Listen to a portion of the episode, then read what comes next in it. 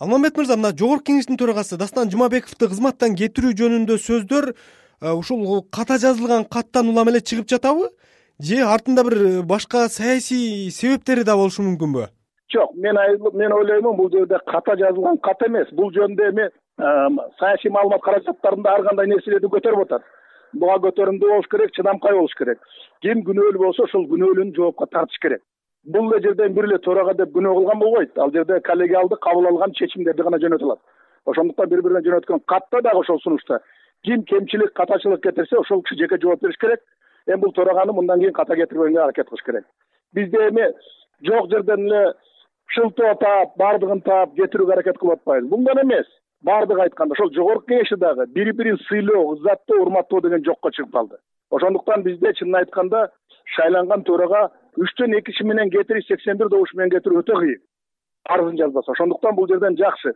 Эгер арызын жазса дагы үчтөн экиси менен гана кетирет конституцияга ылайыктуу.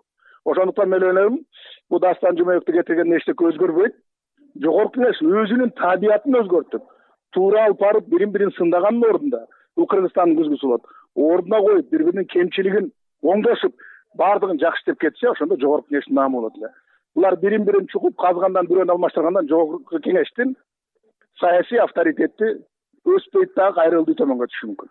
Адатта кыргызстанда өкмөт башчыларынын тез тез алмашылышы э, көп мезгилде сын пикирлери менен кабылданып келчү э, парламентке бир эки жылда эле ушул кайра жаңы төрага шайлоо канчалык зарыл? Кайра кайра алмашуунун эмне кереги бар? Өзгөрүү жоопкерчилик жок болуп атат. Ошондуктан бул жерден мен айтып атам тез тез алмаштыруудан эчтеке өзгөрбөйт эми кийинки жылы мындайын айтканда дагы бир он айдан кийин жогорку кеңеште деле иштөө анча болбой калат себеп дегенде баардыгы шайлоого аттанат ошондуктан бул жерде жооптуу болуп жакшы иштеш керек. Бизде өнөкөт болуп калды. Бул өнөкөт болбош керек. Жакпаса эле алмаштырабыз деген.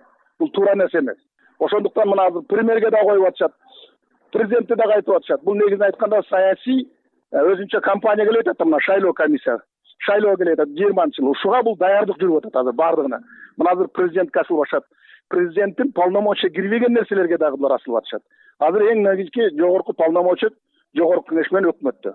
Өздөрүнүн милдетин аткарбастан туруп ушундайга барып атышат. Мына өткөндө уктум соттун отчетун алабыз деди. Сот эч качан аларга жооп бербейт хоть алар шайласа дагы. Ошондуктан бул үч бутактын бийлиги туура эмес болуп атат да. Ошон үчүн мен айтып атам да ар бир нерсенин конституциялык нормасы менен өзүнүн негизи. Эгер дастан жумабеков өзүн татыктуу деп сезип алып бара берсе үчтөн экиси менен ушул туура эмес кат жазылыптыр деген алып салган бул туура келбейт ошону ким жөнөтсө ошол жооп бериш керек. Мына менин оюмча бүгүн кеңештин алып сал деп атабы кызматтан ошого байланыштуу. Бир эле кеңешчи эмес.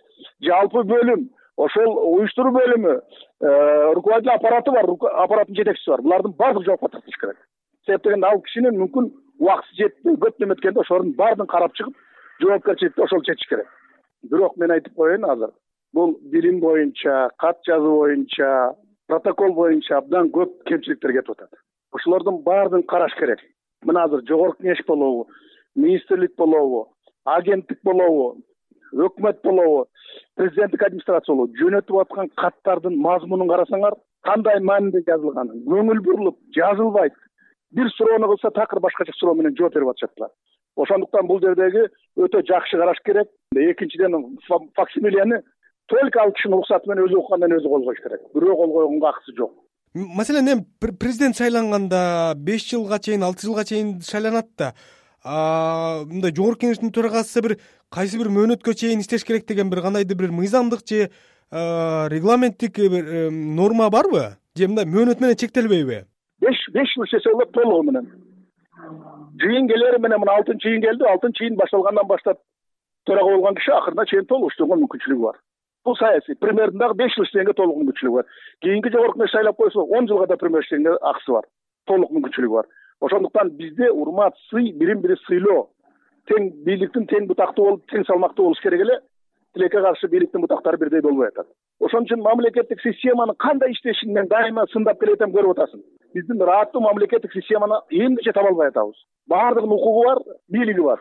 А милдети менен жоопкерчилиги эч кимдики жок. Чечкиндүүлүктү кабыл алып чечим кылып алдыга сүйрөйүн деген киши жок.